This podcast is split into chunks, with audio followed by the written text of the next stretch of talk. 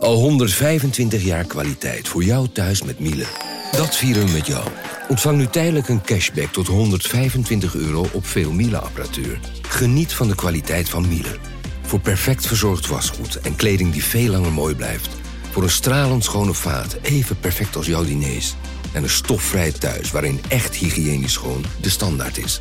Check miele.nl voor alle feestelijke aanbiedingen.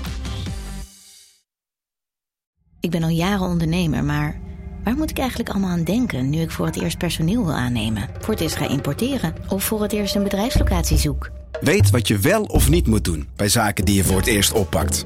Check kvk.nl voor praktische stappenplannen. KVK, hou vast voor ondernemers. Vanaf de redactie van NRC het verhaal van vandaag. Mijn naam is Thomas Rup.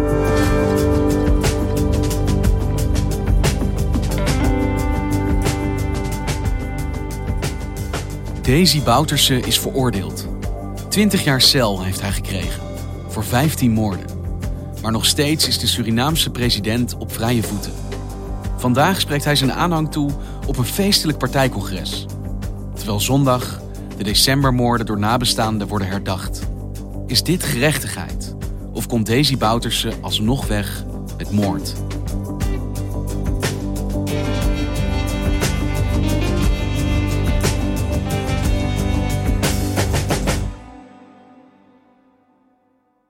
Vanmorgen kreeg ik een appje van de Nationale Democratische Partij van uh, Daisy Bouterse, de NDP. Niet alleen ik, ook andere journalisten. Nina Jurna is Zuid-Amerika-correspondent en woonde elf jaar lang in Paramaribo. En in die app stond een uitnodiging voor een massameeting vanavond. En opmerkelijk vond ik dat uh, op het programma ook staat dat de advocaat van Bouterse uitleg gaat geven vanavond over het vonnis van de decembermoorden, wat vorige week is uitgesproken. Op dit moment vermoed ik dat Bouterse wil laten zien hoe krachtig hij is. En dat hij kan laten zien naar eh, de buitenwereld. Jullie kunnen wel een vonnis tegen mij uitroepen, maar ik heb de bevolking achter me staan.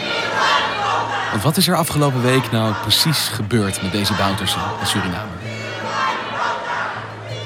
Bij de luchthaven wachtte Bouterse een warm onthaal. Georganiseerd door Bouterses eigen partij... die aanhangers in bussen naar het vliegveld had gebracht. Desondanks zei Bouterse dat hij zo'n ontvangst niet had verwacht. Afgelopen weekend, zondag in alle vroegte... kwam Bouterse terug van een staatsbezoek in China...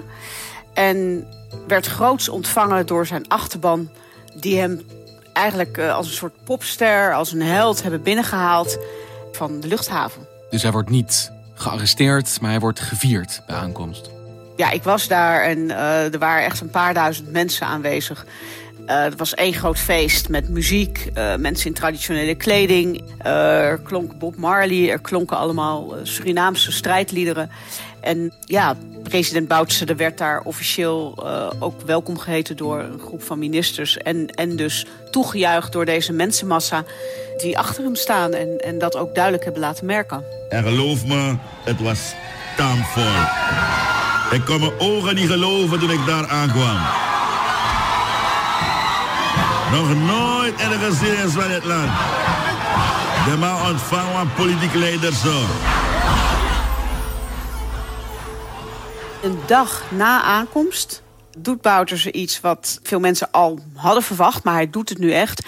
Hij zegt in een radioprogramma, wat bekend staat als een pro-Boutse zender... straks, tijdens de verkiezingen, zal mijn naam in dikke vette letters... bovenaan de kandidatenlijst staan. Met andere woorden, ik doe mee aan de verkiezingen van volgend jaar. Hij is net veroordeeld vermoord, maar hij wil gewoon weer opnieuw president worden. Ja, daar heeft hij geen uh, doekjes om gewonden. Hij zal op die kandidatenlijst staan en hij is ook echt van plan om uh, ja, zich te laten herkiezen. Hey, en Nina, hij is dus veroordeeld voor wat we de decembermoorden noemen. Iets wat we al nou ja, jaren heel vaak pas en te onpas horen terugkomen in het nieuws. En eigenlijk kwam ik er deze week achter dat ik misschien helemaal niet zo heel goed weet wat het nou precies inhoudt. Wat het nou precies waren, die decembermoorden. Ja, en jij bent niet de enige hoor. Want hier in Suriname, als jij uh, jouw leeftijdsgenoten, die weten het ook allemaal niet. Want de meerderheid van de Surinamers, die was toen nog niet geboren of die was net geboren. Dus die weten het ook niet. Dan hebben we het over de jaren 80, 1982 om precies te zijn. En Suriname was op dat moment geen democratie. Militairen uh, hadden de macht. En het hoofd van het leger, bevelhebber, was Desi Bouterse op dat moment. En wat voor een man was hij? Hoe is hij op die positie gekomen? Bouterse was eigenlijk van oorsprong een sportleraar en militair. Hij was in Nederland, zat hij uh, in militaire dienst. En werd daar ook later beroepsmilitair. Hij is hier in Nederland opgeleid? Hij is in Nederland opgeleid in de jaren 70. En toen Suriname onafhankelijk zou worden in 1975... was het belangrijk dat het, ze ook een eigen leger zouden krijgen. En toen is gezocht naar militairen die in Nederland gestationeerd waren, beroepsmilitairen, die terug zouden kunnen keren naar Suriname. En zo is Bouterse in het vizier gekomen. Hij ging dus terug naar Suriname en kwam daar in dat nieuwe Surinaamse leger terecht, waar hij al heel snel ja, als een soort van man met charisma, met daadkracht uh, boven kwam drijven. En binnen het leger was er ook een, een dispuut tussen de nieuwe militairen uit Nederland en de militairen die daar nog waren uit dat oude leger. En daar kwam een enorme oneenigheid over. En dat is eigenlijk geëscaleerd in uh, een staatsgreep. In 1980 heeft Bouterse samen met 16 andere jonge sergeanten een staatsgreep gepleegd. En als je leest hoe dat is gegaan, dan is het bijna een soort van ja, uh, jongensverhaal.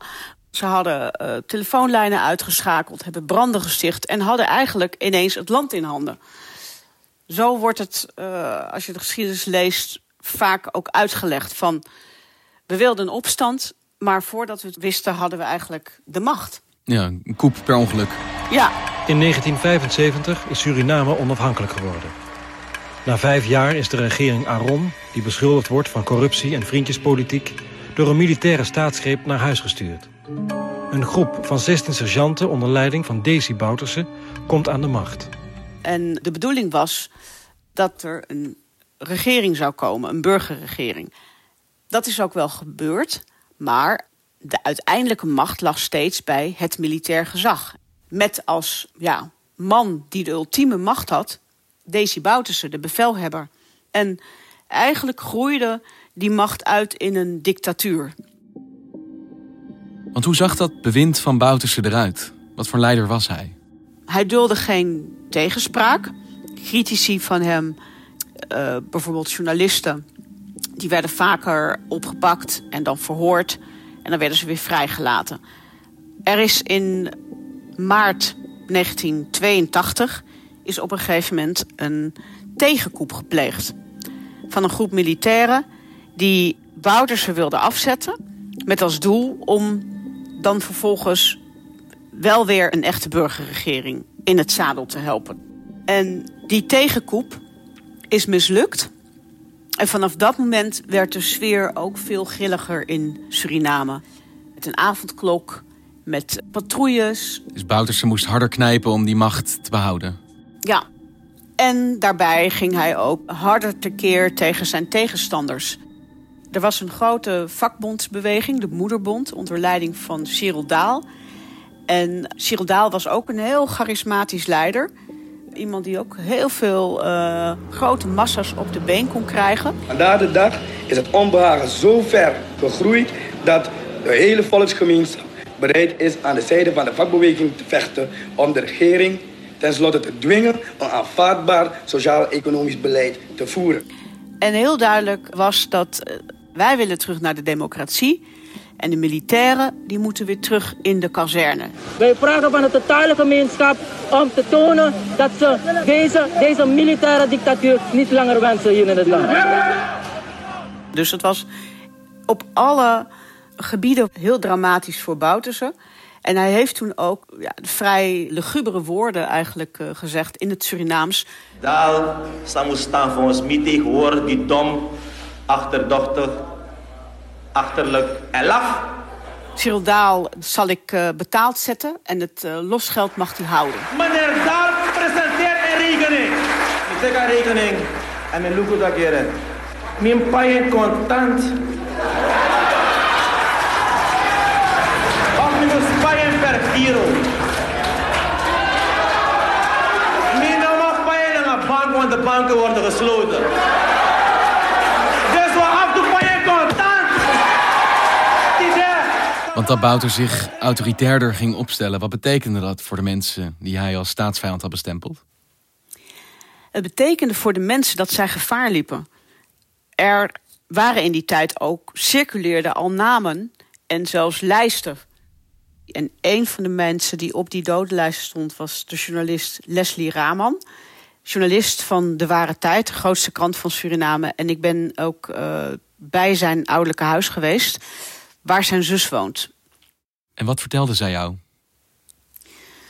Nou, zijn zus vertelde me dat uh, dat het huis is waar hij ook uh, die nacht is opgepakt. En toen werd er aan de deur gebonst van, uh, het waren militairen. En ik heb later begrepen dat ze via het erf van de buren overgesprongen zijn naar ons. En uh, hem gewenkt, de buren hebben gewenkt van niet bellen, mondje niet mondje dicht. Ja. En toen zijn ze hier dus gekomen. Dan moet je absoluut niet, nu, niemand gaat weg. Op dat moment uh, ligt hij te slapen, Leslie, en wordt wakker van het geschreeuw. En ja, gaat naar buiten en wordt direct uh, vastgepakt door de militairen en afgevoerd. En uh, de zussen en de moeder die in het huis zijn, die, die roepen van laat hem los. En hij heeft niks gedaan, hij is onschuldig. En hij zegt ook, ik, heb, ik zou niet weten wat ik heb gedaan en waarom ik mee moet. En hij wordt toch meegenomen. Ja, bevel, dit en dat enzovoort. En, hij moet zich aanmelden. En, uh, en hij heeft zich gerustgesteld ook van, ik kom terug mama. Rustig, ik ga mee. Want zij zei, hij gaat niet. Was morgen. Niemand gaat hier midden in de nacht mijn kind meenemen. Dus morgen is tijd genoeg. En toen zei, uh, zei hij, nee mama, ik heb niks gedaan. Ik, ik, ben niet gek. Ik heb niet eens een pistool, ik heb niks. Dus ik, uh, ik, ik ga mee. Ik kom straks terug. En dan wordt de, de moeder en de zussen die moeten worden teruggeduwd in het huis. Militairen die blijven bij hun, knippen de uh, draden van de telefoonverbinding door en van de elektriciteit, zodat zij ook geen uh, snel uh, andere mensen kunnen waarschuwen of, of ja, niet meer in contact staan met de buitenwereld. En toen heeft mijn zusje gezegd: Oké, dan ga ik kleren voor hem brengen en zo'n baddoek, slippers enzovoort enzovoort. Dus zij is gegaan met een tas. En toen ze daar wegreed, zag ze dus uh, daar naartoe reed, uh, hebben, ze, hebben ze haar gevraagd wat ze moet. Toen zei ze, ik wil spullen, ik ben spullen komen brengen voor mijn broer enzovoort, Leslie Ramen. En toen zeiden ze, nee dat heeft hij niet nodig, want er wordt goed voor hem gezorgd. En vanaf dat moment voelen ze ook van dit, dit is heel, helemaal mis wat hier gebeurt. En, ja, en, en raken ze echt in paniek. En die nacht was de nacht van 8 december. Ja. In die nacht zijn er 15 uh, mensen, mannen van verschillende plumage, journalisten, vakbondsleiders, uh, advocaten, zijn van hun bed gelicht en uh, door militairen meegenomen naar het Fort Zeelandia, een oud-Hollands fort aan de Suriname-rivier. Wat op dat moment het legerkwartier was en waar uh, Bouterse en de militairen zitting hadden. En daar zijn zij uh, allemaal naartoe gebracht. En wat gebeurde er daar? Nou, wat we nu weten uit ook het vonnis en uit getuigenverklaringen... hebben we dus een soort beeld gekregen, wat we weten inmiddels... is dat daar uh, de mannen ehm, in een kamer zijn gebracht en in groepjes voor Boutersen zijn geleid, die daar in een soort ja, een tribunaal had. Samen met zijn twee rechterhanden, twee andere uh, ook hoge militairen, die uh, samen met hem in charge waren. En daar zijn ze ondervraagd. En volgens hè, wat ook in het vonnis staat, ook gemarteld en zijn ze dus in groepjes voor een vuurpeloton uh, geëxecuteerd. En dat heeft de hele dag geduurd. Dus 15 mannen critici van Bouterse, vermoord. Ja, standrechtelijk uh, geëxecuteerd. Hoe ziet 9 december eruit daar? Dan komt Bouterse uh, met een verklaring op televisie. En in die verklaring zegt hij dat er die nacht tegenstanders van zijn regime naar het fort zijn gebracht voor ondervraging, omdat uh, zij van plan waren om een staatsgreep te plegen met hulp van het buitenland. Landgenoten, vannacht hebben wij een poging tot een machtsovername die met veel verlies van mensenlevens gepaard zou gaan, vroegtijdig kunnen verijdelen. Deze machtsovername was erop gericht om een situatie te herstellen waarbij een kleine economische elite aan de macht zou komen die de belangen van arbeiders, landbouwers en brede lagen van ons volk met de voeten zou treden. Landgenoten, het ingrijpen heeft betekend dat wij een aantal van deze verdachten hebben aangehouden en voorgeleid voor verhoor. Ze zijn ontmaskerd, ze zijn naar het fort gebracht voor ondervraging en probeerden toen te vluchten. En tijdens het vluchten, op de vlucht, zijn ze neergeschoten. Dat zegt Boutersen. Toen woensdagmiddag het transport van de verdachten van het Fort Zeelandia naar de kazerne op technische problemen stuitte, werd besloten dit transport in de avonduren plaats te doen vinden.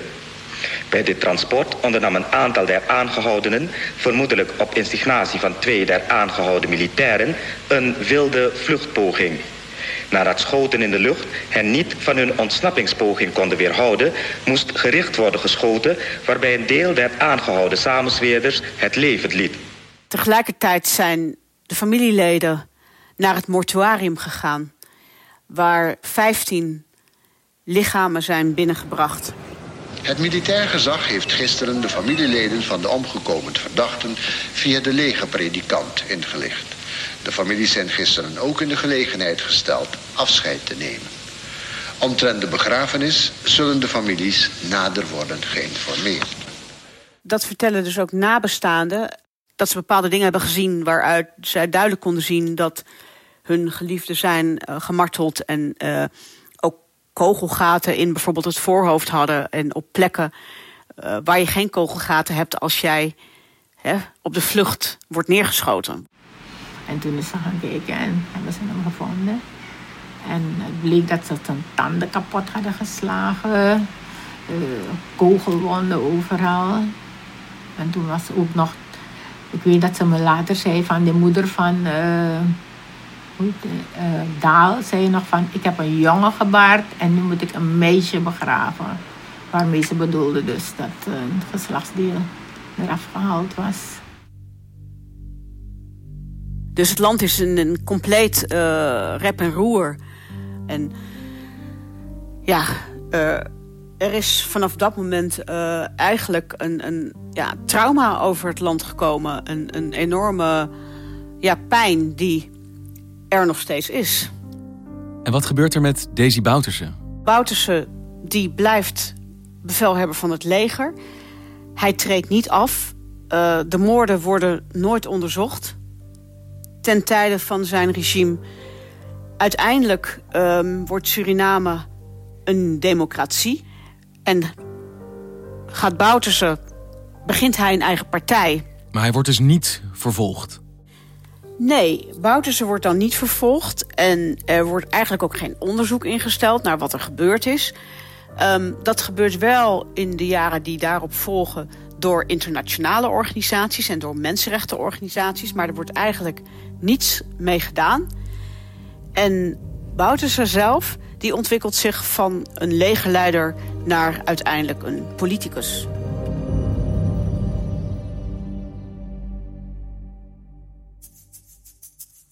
Dit was deel 1 van een tweeluik. En morgen, ja, op zaterdag, deel 2. Wat gaat er nu met het proces gebeuren? Want hij is president. Hij zou het nu kunnen laten stilleggen. Hij kan van allerlei middelen aangrijpen om dit proces stop te zetten. Dat was toen eigenlijk al de gedachte dat dat zou gaan gebeuren. Dit was vandaag. Morgen weer.